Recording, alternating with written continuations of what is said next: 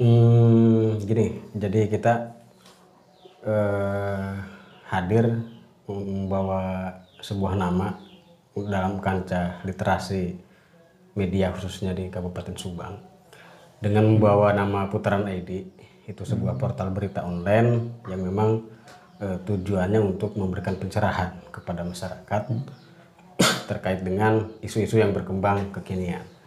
Artinya bahwa dengan kita menyediakan portal berita online ini, kita berusaha untuk menyajikan informasi yang berkualitas, informasi yang memang up to date, informasi yang justru bisa mencerahkan kepada masyarakat. Karena diakui atau tidak, berangkat dari sebuah kegelisahan selama ini eh, melihat dinamika medsos terutama ya semakin tidak terkendali. Banyaknya hoax banyaknya ujar kebencian fitnah dan lain seg- eh, segala macam inilah saya kira hadir di tengah-tengah kita. Eh, ya sekalipun ada juga ya beberapa media yang lain kita dalam dalam dalam kancah apa namanya itu dalam kancah literasi media tetap kita bersaing eh, berlomba-lomba dalam kebaikan. Kita siapkan konten-konten yang berkualitas dengan nama Putaran ID jadi sebuah portal berita online.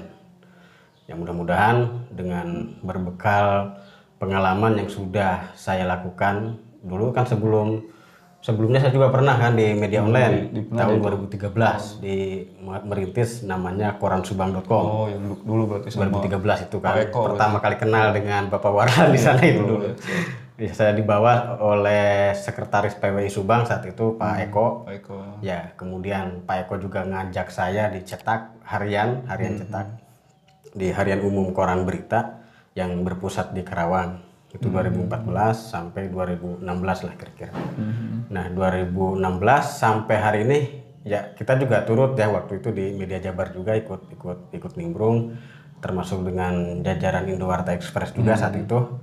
Nah, saya kira eh, lahir dari adanya putaran ID hari ini berangkat dari spirit yang sama sebetulnya dengan dengan dengan kawan-kawan di Kabupaten Subang bahwa keberadaan putaran ID ini bukan untuk menyaingi. Awas ini harus harus kita bedakan bukan untuk menyaingi bukan untuk apa namanya. Tapi kita bagaimana caranya memberikan sebuah instrumen yang positif konten-konten yang positif. Kalau saya analogikan semakin banyak apa namanya itu eh, konten yang bagus maka hasilnya juga akan semakin bagus lagi gitu ada media Jabar sudah eh, sudah oke bagus dengan konten yang yang sangat luar biasa. Ada eh, teman-teman kita juga di Jabar Press misalkan kan dengan konten dan pemberitaan yang berkualitas. Itu kan semakin banyak media justru semakin bagus juga. Tentu harus apa namanya itu eh, kode etik jurnalistik juga harus kita kedepankan. Ini yang menjadi salah satu eh, kunci putaran ID tidak lepas dari yang namanya kode etik jurnalistik kira-kira itu Kalau itu mulai kapan mulai beroperasi itu? Saya sebetulnya udah lama ingin ingin apa namanya itu ingin mendirikan portal berita online ini ingin ba- bareng-bareng sama-sama sama teman-teman yang lain Eh, tapi alhamdulillah mungkin eh, Allah Subhanahu Wa Taala memberikan jalan pas mulai mengudaranya itu sekitar kalau kalau tidak salah itu waktu malam malam takbiran Idul Fitri kemarin Oh, takbiran. Ya, setelah Lebaran. Jadi ketika eh, umat Islam bersiap-siap untuk menyambut hari besar Islam dengan hari Lebaran itu satu Syawal, saya menyambut ya mudah-mudahan ini se- sebuah berkah putaran ID mulai mengudara. Jadi belum lama, kita baru beberapa hari lah, kurang sebulan lebih sedikit lah. Berarti selamat datang berarti. Selamat datang di Kota Subang, di Kabupaten Subang dan Jawa Barat tentunya ya. Ini mungkin apa sebagai ucapan selamat datang, terima kasih kami sudah di- diundang di sini. Sekaligus ingin memberikan sosialisasi juga kepada masyarakat bahwa kita hadir, kita hadir bersama media Jabar, Jabar Press termasuk Indowarta Express Group, kita sama-sama untuk bisa memberikan edukasi kepada masyarakat. itu kalau tujuan awalnya bisa dijelaskan putaran ini apa? Ya, saya kira tadi sebetulnya ada kaitannya dengan apa namanya itu dengan berangkat dari sebuah kegelisahan. Sebetulnya itu sih yang yang lebih prinsip ya. yang lebih Apalagi prinsip. sekarang banyak itu ya hoax. Iya itu sosial. yang hoax, fitnah gitu kan. Kemudian bahkan kadang-kadang saking mungkin eh, apa persepsi masyarakat yang sudah mulai bosan mungkin ya, sehingga menganggap bahwa keberadaan media itu ya punten-punten media abal-abal segala macam gitu kan. Jadi mendiskreditkan media itu sendiri. Bahkan ada, mohon maaf, saya juga pernah men- mendapatkan informasi bahwa media online itu katanya sama dengan medsos. Gitu. Oh, Ini kan harus kita luruskan, kan gitu. Ini harus kita luruskan, harus kita kasih pencerahan bahwa namanya medsos dengan media online kita kan sifatnya mainstream, berbadan hukum, kan gitu. Legalitasnya jelas. Artinya ada ada apa namanya itu ada aturan tersendiri yang dimiliki oleh media itu sendiri. Jadi tidak sembarangan. Oke lah misalkan hari ini medsos, Facebook, Instagram, Twitter dan lain sebagainya. Sa- satu contoh aja misalkan Facebook. Walaupun ada aturan tersendiri di internal Facebook misalkan terkait dengan konten-konten yang sekiranya tidak menimbulkan sara dan sebagainya gitu kan. Itu kan ada. Tapi kan kadang-kadang sampai hari ini masih banyak yang apa namanya yang justru luput dari pantauan Facebook itu sendiri. Berita-berita yang tidak bertanggung jawab gitu kan. Berita-berita yang sifatnya hoax itu kan luput dari dari pantauan dari pantauan eh, internal Facebook itu sendiri. Nah kita hadir eh, sebagai media yang walaupun memang sasarannya online, tapi tidak semua media yang online itu sifatnya media sosial kan tidak semua. Karena kita berbadan hukum jelas gitu. Walaupun kita hari ini masih menginduk, kita masih menginduk ke ke PT Indowarta Express karena kita baru baru saja lahir kemarin. Mudah-mudahan akhir tahun ini Oktober lah kita targetan Oktober kita juga sudah ada wacana untuk mendirikan PT sendiri. Eh, insya Allah mudah-mudahan dalam waktu dekat eh, beberapa bulan ke depan lah. Eh, Tidak lewat tahun ini. Insya Allah sebelum Oktober juga kita udah beres. Media punya PT sendiri. Sehingga secara legalitas formal kita dilindungi oleh undang-undang. Begitu. Kalau untuk konten sendiri kan Konten saya kira kita mengikuti perkembangan zaman ya. Eh, Dulu kita dicetak ada konten-konten sendiri yang memang pangsa pasarnya itu rasa cetak gitu. Nah sekarang kita namanya online eh, sampai kapan pun selama dunia ini ada namanya internet ini kan akan semakin berkembang dan semakin berkemajuan. Nah kita akan mengimbangi zaman itu. Kita akan mengikuti zaman di mana zaman zaman ini maju terutama dalam hal konten-konten terkait dengan edukasi, terutama anak-anak muda eh, yang eh, pendidikan gitu kan, termasuk ya saya kira untuk berita-berita peristiwa juga sangat penting juga kan, hanya saja mungkin kemasannya nanti yang berbeda. Makanya saya dari hari ini mulai mencoba untuk bagaimana kemudian bisa membuat ciri khas daripada redaksi itu sendiri, seperti itu. kalau untuk perjalanan tadi kan mengadu Kang Ade ini dimulai dari media cetak kalau nggak salah. Ya, media cetak. Pernah kan di mana aja tuh Kang? Dulu. media cetak dulu saya sih sebelumnya waktu mulai merintis banget mulai pertama kali terjun di jurnalis itu Kalau nggak salah tahun berapa sih? 2011 Iya, pertama dulu di, roda, di radar Karawang Dengan saya bertemu kan dulu itu tahun berapa? 2013 Oh, dulu. itu sudah di koran Subang di online itu Saya dulu masih di tinta hijau. masih Kayak mana Tinta hijau hijau saya dulu. 2013 jadi mulai saya jadi apa jadi kontributor jadi kalau di cetak itu kan ada kalau di Jawa Pos itu ada istilah CR ya CR itu calon reporter Hmm. selama enam bulan enam bulan saya mendapatkan kode CR gitu Eh, calon reporter di harian umum radar Karawang Eh, saat itu Subang eh, apa radar Subang ya Ada Subang dulu. ya tempatnya juga di Pamanukan dulu Bironya Pak Eko kalau salah. Ya, saya memang diakui atau tidak, saya diajak sama Pak Eko. Dimulai pertama kali bisa nulis itu ya beliau yang yang mengajarkan Se- sebagai eh, sekretaris PWI saat itu ya di Subang.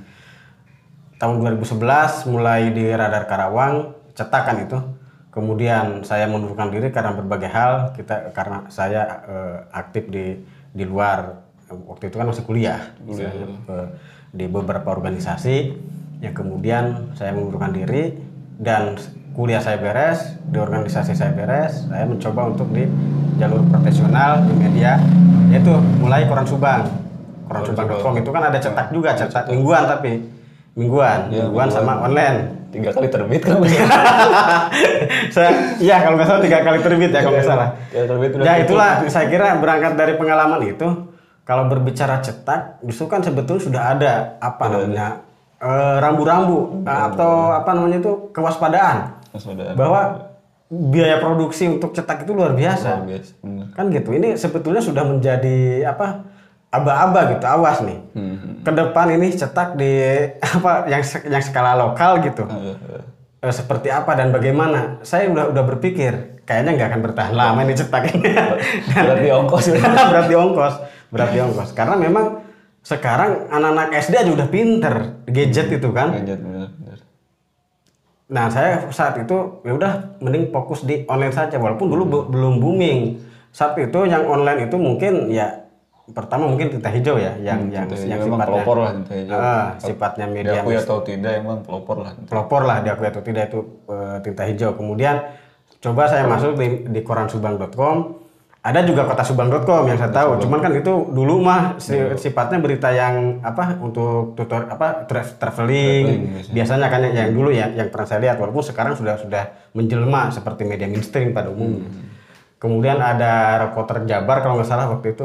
Ada oh iya almarhum Api Hadang. Itu juga Oh, jabar kita itu. media Jabar kita. saya kira ini media Jabar apakah jelmaan dari media Jabar kita atau bukan? Saya walau alam. Itu, alma- almarhum Api Hadang Itu juga. banyak yang tanya sebenarnya itu. Iya, artinya Regenerasi api hadang atau bukan? iya artinya saya juga turut dibesarkan oleh beliau gitu. Oh. Mau eh, walau bagaimanapun juga karena ketika saya di koransubang.com di online ya ada mediajabarkita.com kita kan sama-sama online. Artinya kita tinggal dikomparasikan saja. Oh api saya berarti segmentasinya seperti ini. Api hadang segmentasinya se- eh, seperti itu. Tapi walaupun kita kalau di lapangan suka bareng gitu kan. Suka ngariung lah di praksi darsim saat itu. Dan memang ini menjadi tantangan juga ketika bicara eh, cetak terutama mingguan.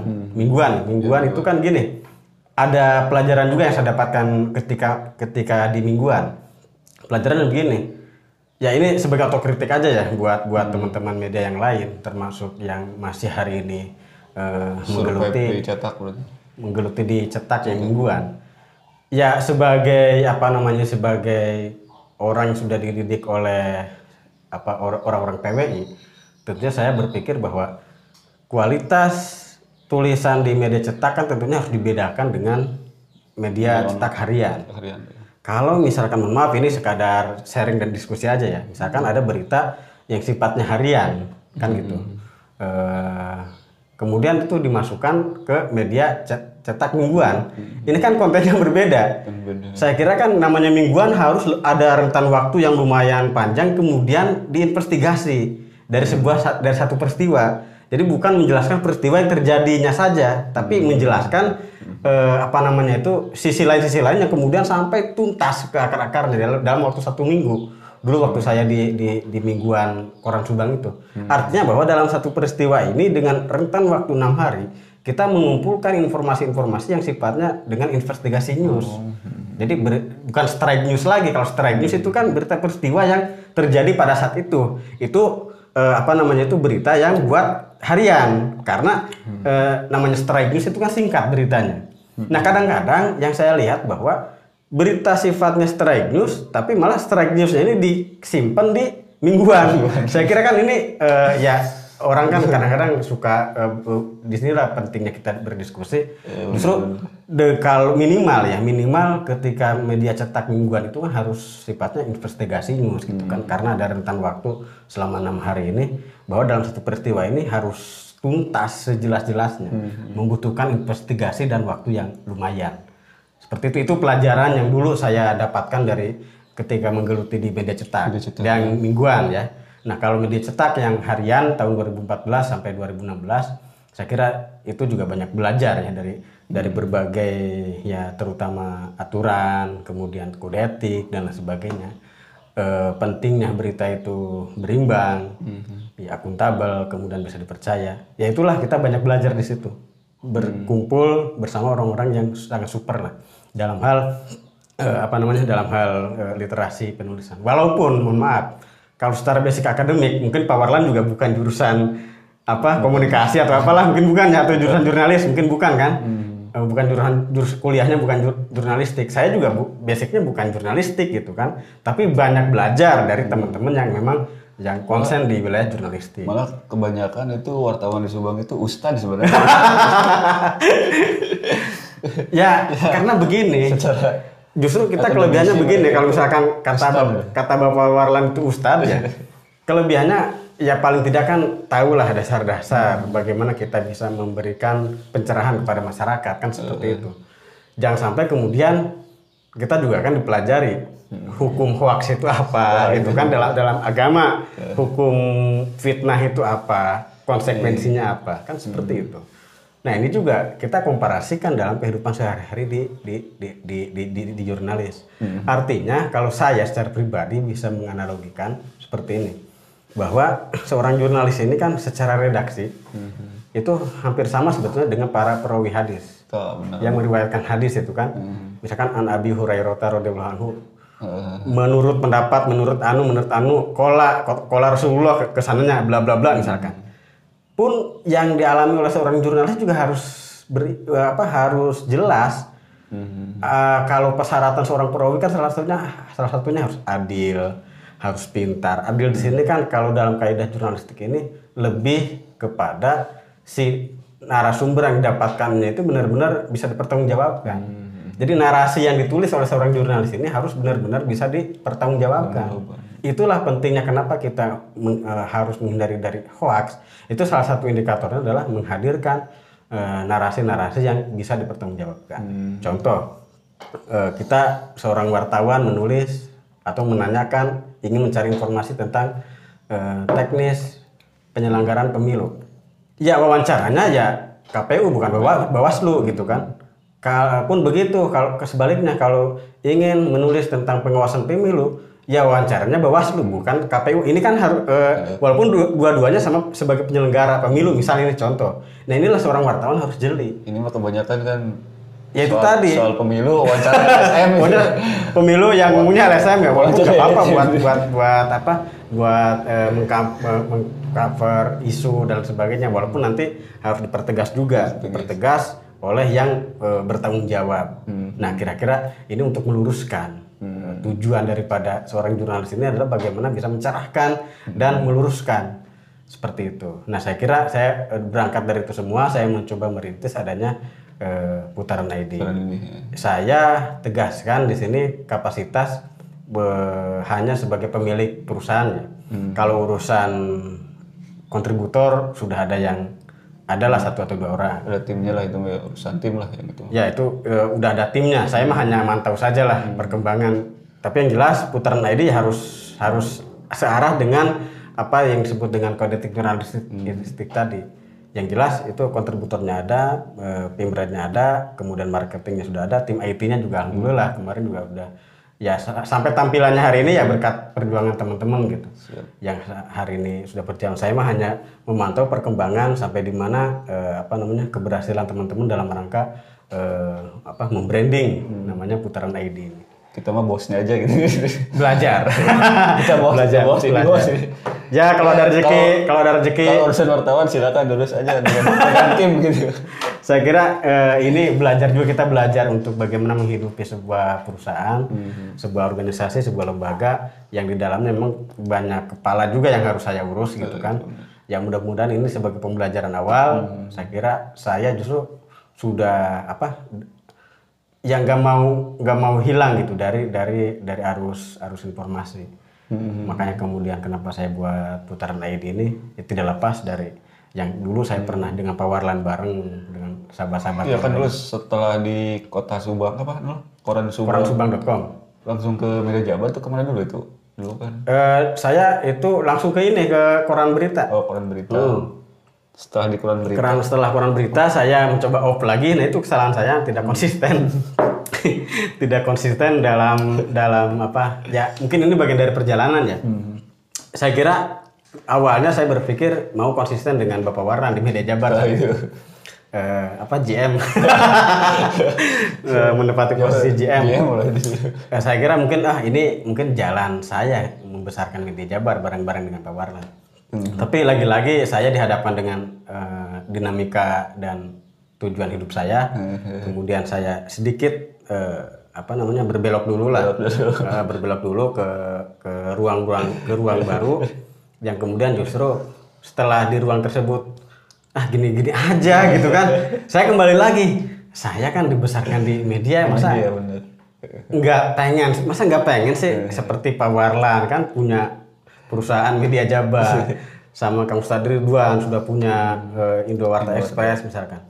Begitu teman-teman yang lain Kang Usai, Kang Rifai gitu kan teman-teman seperjuangan dulu. Saya tuh kangen sebetulnya suasana seperti itu eh, ada dinamika yang pernah saya jalani saat itu dan banyak belajar tentunya. Saya justru eh, banyak belajar belajar dari dari jurnalis. Walaupun mohon maaf di bangku kuliah kemudian di organisasi dan ruang-ruang yang lain memang itu juga bagian dari pembelajaran.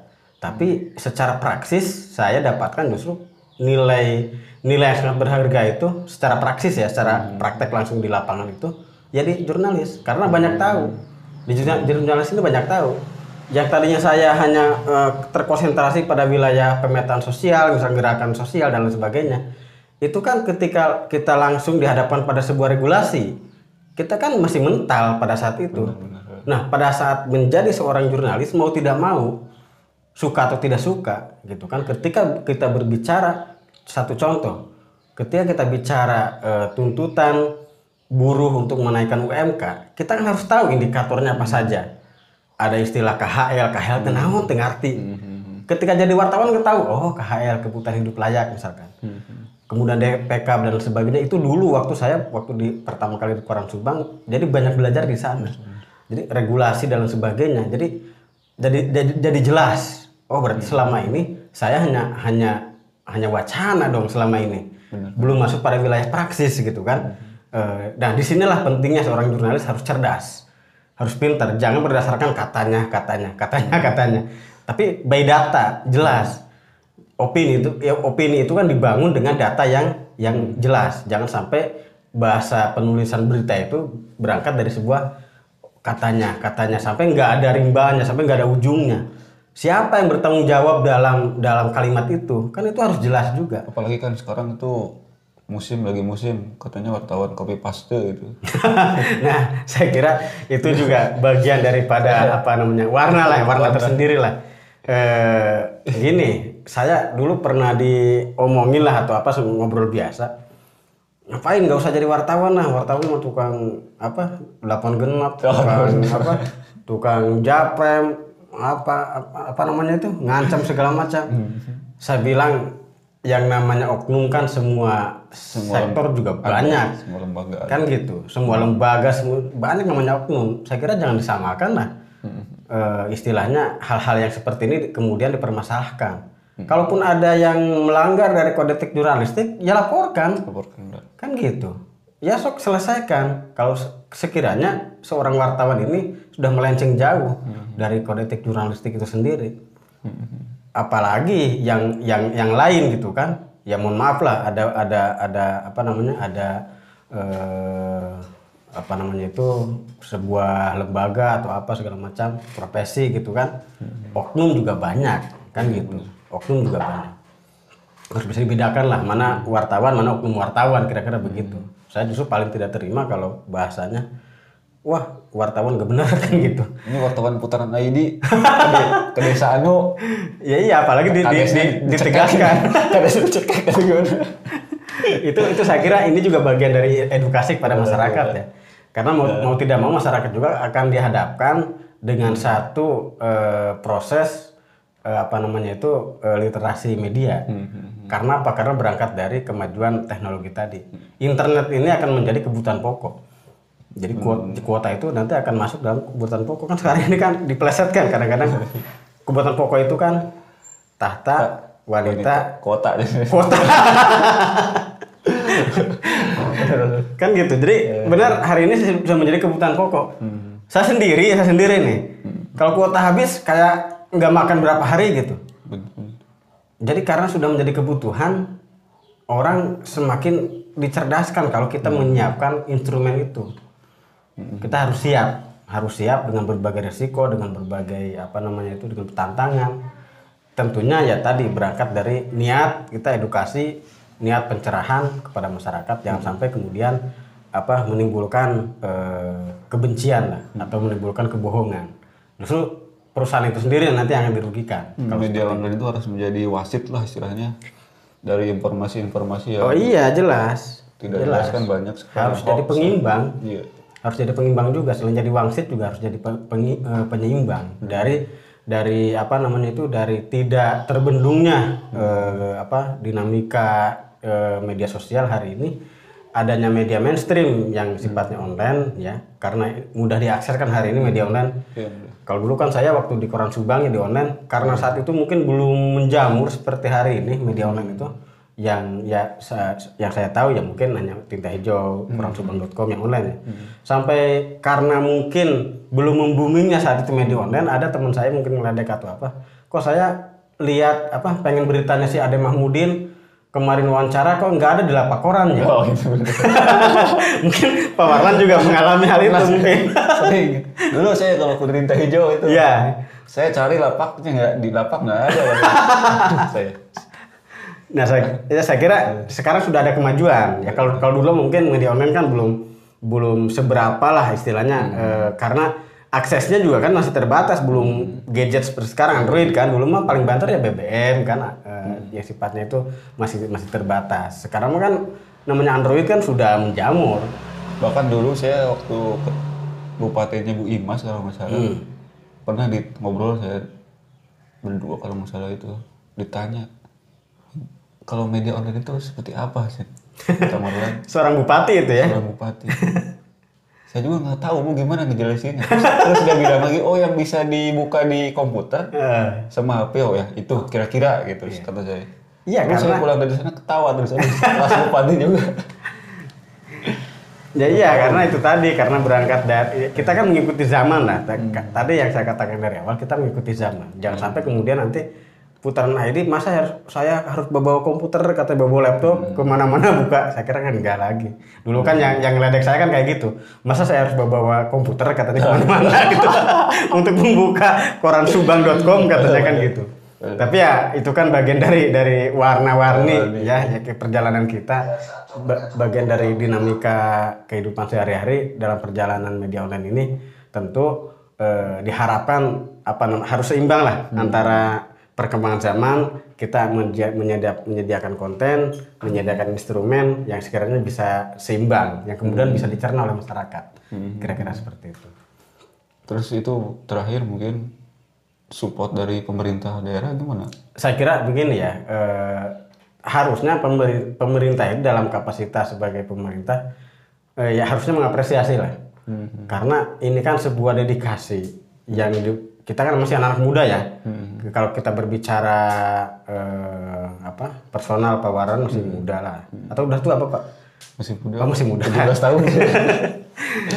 ya teman-teman yang lain juga yang menggarap media juga kan masih masih pada muda-muda. Tapi memiliki dedikasi yang tulus. Artinya begini dedikasi yang tulus ini mereka rela loh. Bapak Warlan rela memberikan edukasi kepada masyarakat mencerahkan. Kan gitu bahkan tidak sedikit berita-berita atau informasi yang bersumber dari pemerintah daerah, daerah itu kan disampaikan kepada masyarakat. Yang positif-positif beritanya. bahkan yang positif itu kan mencerahkan artinya memberikan edukasi sebagai corongnya pemerintah juga kan. Kalau saya mah tidak melihat apa sih yang pemerintah harus berikan pada pada pada mereka minimal penghargaan dan apresiasi minimal itu. Yang ketik yang sama-sama bisa mencerdaskan dan membangun sumber daya manusia tentunya. Hmm, seorang seorang anak muda ya pu- sudah sudah berpikir bagaimana dia bisa punya usaha sendiri. Punya punya perusahaan sendiri yang basicnya jauh. Orang saya basicnya PAI ya yang lain juga sama, ya- yang bukan jurnalis gitu. Tapi sekarang punya inisiasi ingin mendirikan media jurnalistik. Tapi insya Allah ke depan saya juga akan kuliah akan kuliah Kuliah jurnalistik. jurnalistik. Lah ini ini menjadi pemicu juga buat buat saya untuk mengim- mengimbangi sa- mengimbangi saja. Nah saya kira pemerintah juga mem- harusnya memberikan alur, memberikan apa ruang kesempatan untuk untuk semakin bisa menggeliat. Apa yang kemudian bisa dibantu? Karena saya juga kan sebagai bentuk eh, peningkatan sumber daya manusia juga ketika saya punya tim, mereka juga sama punya dedikasi yang bagus, yang kuat. Yang itu juga harus kita sama-sama dorong kan gitu. Selama ini buat apa bagus buat kemajuan Subang, kenapa tidak? Saya kira hadirnya media yang ada di Subang ini sebagai apa ya? Sebagai ujung tombak pembangunan juga pada pada akhirnya masyarakat juga akan terbantu dengan media-media yang ada. Soalnya dari beberapa pengusaha media itu keluhannya sama sih Hmm. kurang mendapat support sih Sama. pemerintah daerah itu supportnya sama pengusaha yang lain aja Hmm, ya saya kira ini kan PR juga ya, PR juga buat pemerintah. Padahal sama-sama juga pengusaha terus sama-sama apa mendorong hal-hal yang positif itu tersampaikan kepada masyarakat sebenarnya. Harus disupport sih Ya sebenarnya. iya harusnya harus harus disupport karena mau tidak mau kan ketika ada perusahaan media juga kan itu mengurangi pengangguran juga pak. Tah, itu kan gitu. Bukan bukankah itu sebuah prestasi walaupun hanya berapa orang gitu. Tapi paling tidak kan kalau Bung Karno bilang berikan apa namanya 10 orang pemuda untuk menggoncang dunia kan itu sebuah eh, isti- istilah yang kemudian kita jabarkan pada konteks hari ini.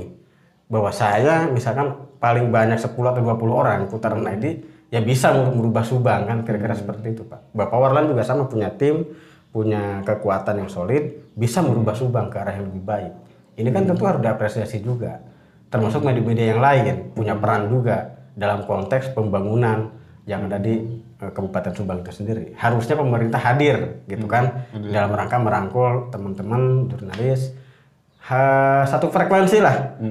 Tujuannya satu, tujuannya satu yaitu untuk mencerdaskan kehidupan berbangsa dan bernegara. Hmm, karena dukungan pemerintah akan selanjutnya akan membuat PRS di Subang itu sehat sebenarnya Harusnya, harusnya seperti itu. Jadi supaya supaya kan gini, pers itu kan kadang-kadang eh, kalau masuk pada ruang lingkup instansi pemerintah, jadi udah merinding, Tah, itu. Benar ya kan? Temen apa eh, teman-teman yang ada di instansi tertentu itu ketika kedatangan pers itu merinding, harusnya kan bersyukur, ya harusnya kan bersyukur. Bahwa kedatangan seorang pers ini kan untuk istilahnya bisa menginformasikan apa saja yang kemudian bisa diinformasikan kepada masyarakat. Ya nggak tahu kalau mereka punya kesalahan nggak tahu mungkin. Orang kan berpikir kita mah bicara sederhana saja sih. Eh, kalau ai ai teu boga salah make sieun kan gitu. Cek Sunda teh mah. Artinya ke- ketika kedatangan pers itu alasan ke mana, alasan ke mana, sehingga kita bagaimana kita mau memberikan informasi yang yang benar gitu, sementara dia sendiri susah untuk di untuk dihubungi atau untuk di- ditemui. Nah, ini eh, kelemahan juga, kelemahan kita, de- tantangan kita juga ketika kita mendapatkan sebuah informasi yang memang membutuhkan klarifikasi ataupun informasi yang dari bersangkutan, itu yang bersangkutan malah nggak mau. Atau bahkan tidak menjawab dan sebagainya. Ini kan tantangan juga buat kita. Tapi kan kita hadir untuk bisa bagaimana dengan isu yang berkembang ini bisa dicerahkan loh. Bahwa kedudukan eh, kasus ini atau kedudukan dari informasi ini ini kan masih sifatnya masih masih sementara. Artinya belum final. Karena apa? Karena belum ada konfirmasi dari dari yang bersangkutan. Ini kan kita harus harus dituntut untuk itu pak. Ya kadang-kadang kan susah. Mungkin bapak juga mengalami lah ketika ada informasi kita mau klarifikasi orangnya malah nggak mau ngejawab atau eh, dia telepon nggak diangkat. Udah takut duluan biasanya. Ya iya itu kan sebuah apa harus sinergis lah sebetulnya pemerintah itu. Dalam hal itu ya dalam hal bagaimana kita bisa walaupun tidak semua ada juga beberapa pejabat yang welcome ya. Setiap eh, saya telepon selalu ngangkat telepon selalu ngangkat nah artinya begini artinya bahwa dengan dengan adanya informasi yang didapatkan oleh seorang jurnalis ini ya seyogianya jurnalis juga harus punya batasan lah kadang-kadang ini juga kita otokritik juga kan kepada kepada eh, teman-teman wartawan jadi janganlah jadi seorang wartawan ini sebagai seorang penyidik gitu. Tah, itu Ya kan? itu Ini juga harus kita harus kita apa harus kita luruskan. lebih lebih dari kejaksaan itu Iya, jadi melebihi jadi seorang penyidik saya bilang ini kayak maksa gitu kan. Jawab, kenapa kamu diam? ini juga kita luruskan. Jadi artinya seorang jurnalis ini ketika wawancara tulislah apa yang disampaikan, nggak boleh dikurangi, nggak boleh dilebihkan. Termasuk benar atau tidak bukan urusan kita. Itu kan tanggung jawab dia yang ngomong. Terlepas benar atau tidak apa yang disampaikan. Ini kadang-kadang dia punya asumsi, dia punya pendapat beda dengan narasumber, kemudian di, di- ditolak. Bohong, bukan begini harusnya. Lah saya kira kayak seorang penyidik juga. Itu itu juga otokritik juga kan buat buat seorang wartawan. Ya lurus aja lah, lurus istilahnya sesuai dengan kaidah jurnalistik. Ketika wawancara ya tulis apa yang dia tulis. Jangan sampai wawancara A ditulisnya B gitu kan. Ini juga menimbulkan apa namanya itu eh, kegamangan pada akhirnya. Ya, tadi itu yang yang saya juga kepada tim, terutama yang kontributor ya sebagai sebagai ujung tombak apa namanya itu pemberitaan. Saya lagi-lagi menegaskan bahwa ad- ada adabnya juga lah wawancara juga. Soal itu. Ada tata krama, ada adab, nggak boleh kemudian asapang aingna lah gitu sebab apa ayo di gede bisa gede nyiru pers gitu kan kartu pers di, dikalungi nggak jangan bangga lah jangan bangga punya punya kartu pers tetap kita eh, itu kita siapkan kita berikan sebagai tanda pengenal jangan merasa bangga dengan kartu pers yang dimiliki Kalau media Jabar kan ada buku sakunya gitu. ya sebagai panduan gitu. Iya, panduan kan harus punya sih. Perusahaan media itu di Subang itu sebenarnya harus punya buku saku panduan untuk liputan sebenarnya. ini untuk menjaga nama nama perusahaan juga. itu. jangan sampai disalahgunakan oleh oleh eh, ya istilahnya di tim yang yang di bawah tadi.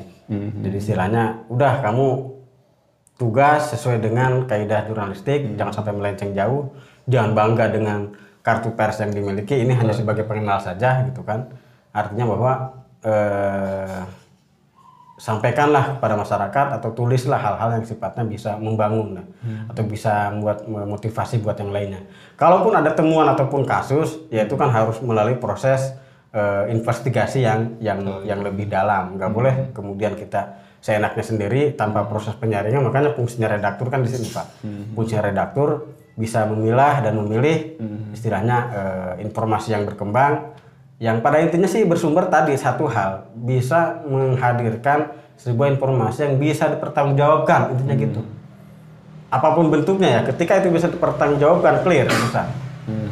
Artinya wartawan tidak boleh kemudian menambah-nambahkan eh, sesuai dengan asumsinya. Asumsinya. kan gitu. Jadi namanya apalagi kalau berita kasus gitu ya itu eh, tidak boleh sembarangan. Jadi harus harus on the track gitu kan. Tidak boleh berangkat dari sebuah asumsi dan lain sebagainya. Ini yang pembungkas Kang Ade, kalau model bisnis putaran ID gimana? Kan kemarin ah, Indowatra Group kan katanya punya biro iklan. Kalau media Jabar kan terus terang saja selama ini kita kalau persentase iklan itu kalau dipresentasikan dari pemerintah dari itu 0,000 sekian. Sisanya itu dari pihak swasta dan lain sebagainya kerjasama di luar Pemda lah. Atau kalau putaran ID sendiri nanti Ya, itu saya kira kan ini butuh proses ya, butuh proses, butuh waktu. Karena kita masih menginduk kepada Indowarta Express, ya kita mengikuti aturan main yang ada di perusahaan itu. Kecuali nanti kalau saya udah punya media atau PT sendiri, nanti akan kita komparasikan juga kaitannya dengan uh, aturan main yang ada di aspek bisnisnya ya. Tapi walaupun memang hari ini kita juga udah karena marketing juga kita udah ada sebetulnya sih. Jadi itunya itu mah sifatnya hanya istilahnya hanya sementara saja. Eh, tim marketing ini justru kita fokus di swasta pak. Artinya non pemerintah lah. Kalau pemerintah boro-boro naon sih putaran ID berputar kan gitu. Artinya ya walaupun tiap hari masuk ya dari humas itu ke email saya masuk tiap hari itu selalu saya tapi nggak apa-apa lah biarkan itu berjalan tapi nggak jadi kontrak, nggak jadi rupiah, nggak jadi itu apa pun.